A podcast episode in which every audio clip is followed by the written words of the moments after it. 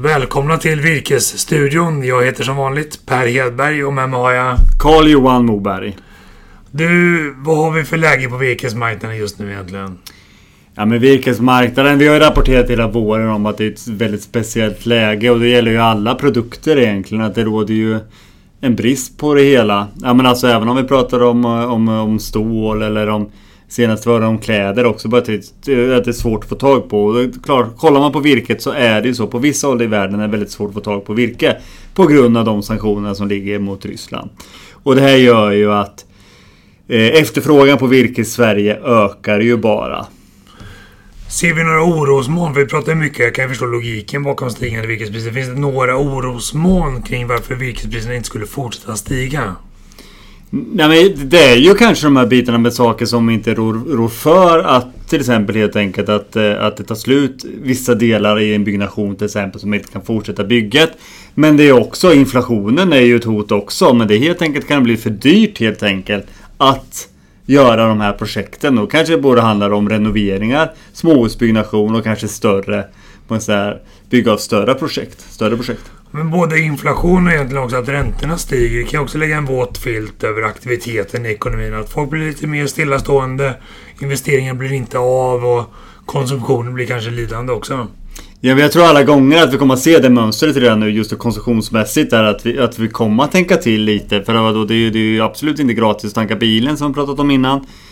Och det här är sådana signaler som man måste hålla koll på som, som skogsägare och om man ska göra en virkesaffär. Hur är läget just nu? Det går ju inte bara att kolla sprint på hur virkesmarknaden är för den är ju så mycket beroende av alla marknader också.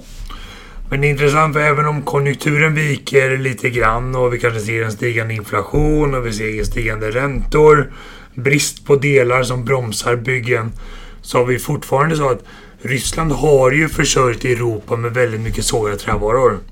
Så att deras bortfall från den europeiska marknaden kan ju ändå hålla uppe prisnivåerna på sågade trävaror. Och det kan ju åtminstone skydda sågtimmerdelen från skogsägarna. Men om vi tittar mot massaveden då? Hur ser, hur ser efterfrågan på massaved ut? Det är en god efterfrågan på massaved. Samtidigt har det ju skett viss omstrukturering då med att en del bruk har, eller bruk har lagts ner i Sverige. Men det som har kommit och det är just behovet utav biobränsle. Ja men det vi ser den här strypningen av flöde från Ryssland både då med, med, gas och olja gör ju att det är högintressant och att Eller bränslepriserna har ju, har ju skenat Svårt att få fram sopor och elda för de som gör det och biobränsle, det finns inga jättelager kring det hela. Så att därför är det ju så att idag taktar ju på vissa håll bränslepriset massapriset. Och det där är intressant att hålla koll på. Och jag tänker att en vikande konjunktur skulle kunna pressa sågtimmerpriserna kanske. Men att massavedspriserna kommer ändå hålla upp, hållas uppe utav höga energipriser.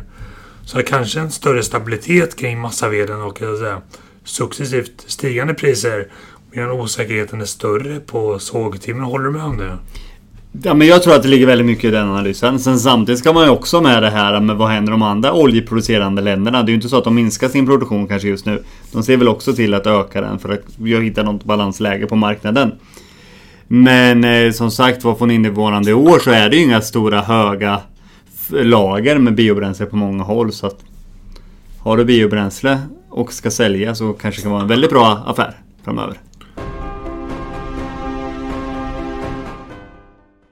Du Per har ju varit och kollat lite på Skogsstyrelsens nya riskkartor då med granbarkborren. Ja men det här är faktiskt ett väldigt ambitiöst arbete som Skogsstyrelsen gör och det ska de ha beröm för tycker jag. Loggar man in som skogsägare på mina sidor så finns det nu uppdaterade och väldigt noggranna kartor över riskområden för barkborrar. Och det kan vara värt som skogsägare att hålla koll på var riskområdena finns och sen då vara aktiv och löpande inventera i de områdena genom nu svärmningarna som börjar dra igång. Ja, jag tror ju man ska se det här som, vad ska man säga, en orienteringsskärm i skogen. Alltså i de här områdena framförallt du ska gå till. Har du ett större innehav eller några 50, 60, 70 hektar, spring inte hela utan gå till de här områdena. Gör inventeringen där och är det en risk, se till att planera och agera. Om man nu råkar ut för barkborrar, men vi, vi har ett riskområde och det blir till och med barkborrar. Hur ska man tänka och agera med det virke som som blir skadat? Nej men alltså det här finns ju, finns ju fortfarande möjlighet att göra virke, eller bra affärer på det här virket. Jag blir lite mörkrädd ibland när man pratar med markägare som har fått väldigt låga priser på granbarkborretimmer. Hur lågt kan det vara som man kan få? 100 kronor, 150 kronor har man ju sett ibland där. Men här finns ju väldigt stora möjligheter att göra bättre affärer. För det är ju inte så, den här råvaran som finns i det här trädet. Mångt och mycket kan man ju använda. Om det är så att den inte kanske går att använda till till, till eh, vad ska man, klädselbrädor, till hus eller sådana saker så kan man bygga in det i konstruktioner eller göra andra saker som man behöver trä till. Virket är ju inte helt förstört bara för att man fått barkborre och det ska man ta med sig. Det ska man verkligen ta med sig. Det är ju klart, har det stått där ett par säsonger då är det ju inte mycket. Då är det naturvård som gäller på de träden. Om vi bara ska relatera priserna. Du säger 100-150 per kubik för barkborrevirke som en del skogsägare har fått. Så kan man ju få gott och väl 300 kronor per kubik för barkborrevirke också. Så det är ju dubbelt så bra betalt. Ja, jag tror man kan få mer än det också egentligen. Men det är det som är så viktigt liksom att Hör med hela marknaden, val om och kring det som vi tjatar så mycket om för att liksom hitta det här. För att när den där skogen har stått och växt så pass länge som det har gjort, det är klart att du måste få skäligt betalt för det. Trots att det är granbarkborreangripet. Jag tycker det är intressant för jag pratade med några i Tyskland och i Tjeckien. De har ju haft enorma skador av vår barkborre tidigare. Och de har ju liksom byggt upp en infrastruktur för att ta hand om barkborrevirke också. Nu har ju de dragit ner på avverkningarna i takt med att skadorna har minskat och de har liksom överavverkat under en period. Så att de har infrastruktur och vill ju ta emot mer barkborrevirke också. Så att det finns faktiskt en efterfrågan på just barkborresortiment också. Nej men sen tror jag också i och med att det har varit så mycket granbarkborreangrepp där nere. De säger man har byggt infrastrukturen och börjat använda det. Då tror jag att det finns också, kan man säga, att man är van med i, byggs, i, bygg, i byggsvängen om man säger så, att använda sådant virke. Och det är kanske någonting som vi kanske måste jobba med i Sverige också. Virket är ju inte förstört, det går ju att använda. Men gå in på Skogsstyrelsens mina sidor. Där finns mycket, mycket annat bra att jobba med om man är skogsägare utöver de här barkborrekartorna då. Ja, men det tror jag alla gånger. Du kan kolla liksom eh, fastighetsgränser och hela naturvärden, fornlämningar och sådana saker. Jobba med gallringsbehov, hur gallringsbehovet ser ut, hur röjningsbehovet ser ut och framförallt att göra ärendeanmälningar också då. Skogsstyrelsen får ibland lite oförtjänt mycket stryk kan jag tycka. De gör en hel del bra grejer också. Jag tror att utmaningen för Skogsstyrelsen är ju också att få folk att bara använda sin plattform som de har byggt. Det är inte helt enkelt att navigera på mina sidor. Abs nej, absolut inte. Sen man har bytt det också. Är det så att man företräder någon som kanske inte har digitalt bank-id så är det en liten krånglig process att bli ombud igen, kan jag tycka. Svärmningstid i skogen betyder också mässtid för skogsägare. Vart kommer vi synas i sommar? Vi kommer självklart befinna oss på Elmia Wood utanför Jönköping här i början av juni. Så kom till oss och besök oss där. Vi kommer att vara ett gäng från Virkesbörsen som ser till att prata virkesaffärer och allmänt om skogen och konjunkturen. Vi kommer även eh, sända från eh, Virkesstudion live där från eh, mässan, eller hur Per?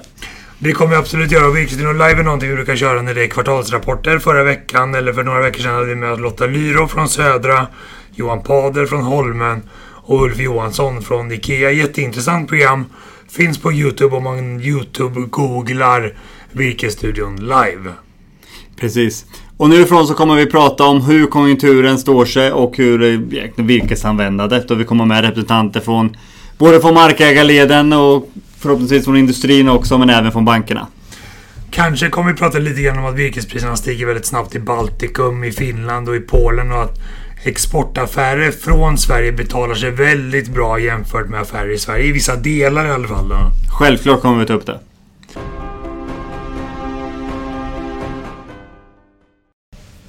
Virkesstudion görs i samarbete med tidningen ATL och Ludvig och Company. Vill du ta del av ATL, gå in på atl.nu och läs deras intressanta artiklar och följ deras webb-tv. Vill du veta mer om Ludvig och hur Ludvig hjälper skogsägarna tycker ni ska kolla på gingen nu.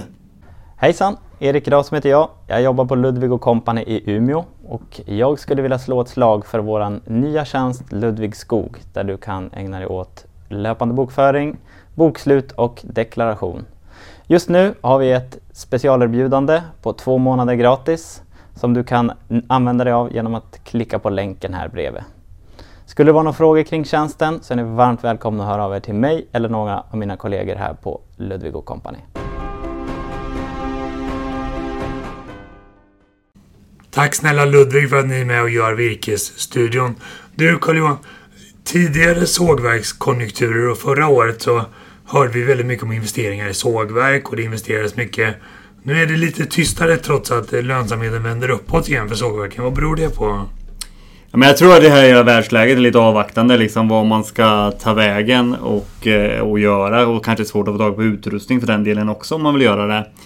Eh, men jag tror ju att vi kommer att se Eh, eh, alltså investeringar i det hela.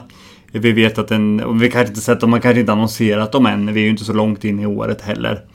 Men det som jag tycker är intressant är när man ser och kollar det är ju att det pågår ju alltså någon typ även mindre aktörer vågar investera idag. Alltså sågverk som kanske sågar några tusen kubikar men de är, de är ju små spelare på, på marknaden i Sverige men däremot lokalt sätter de ju verkligen värde på skogsråvaran.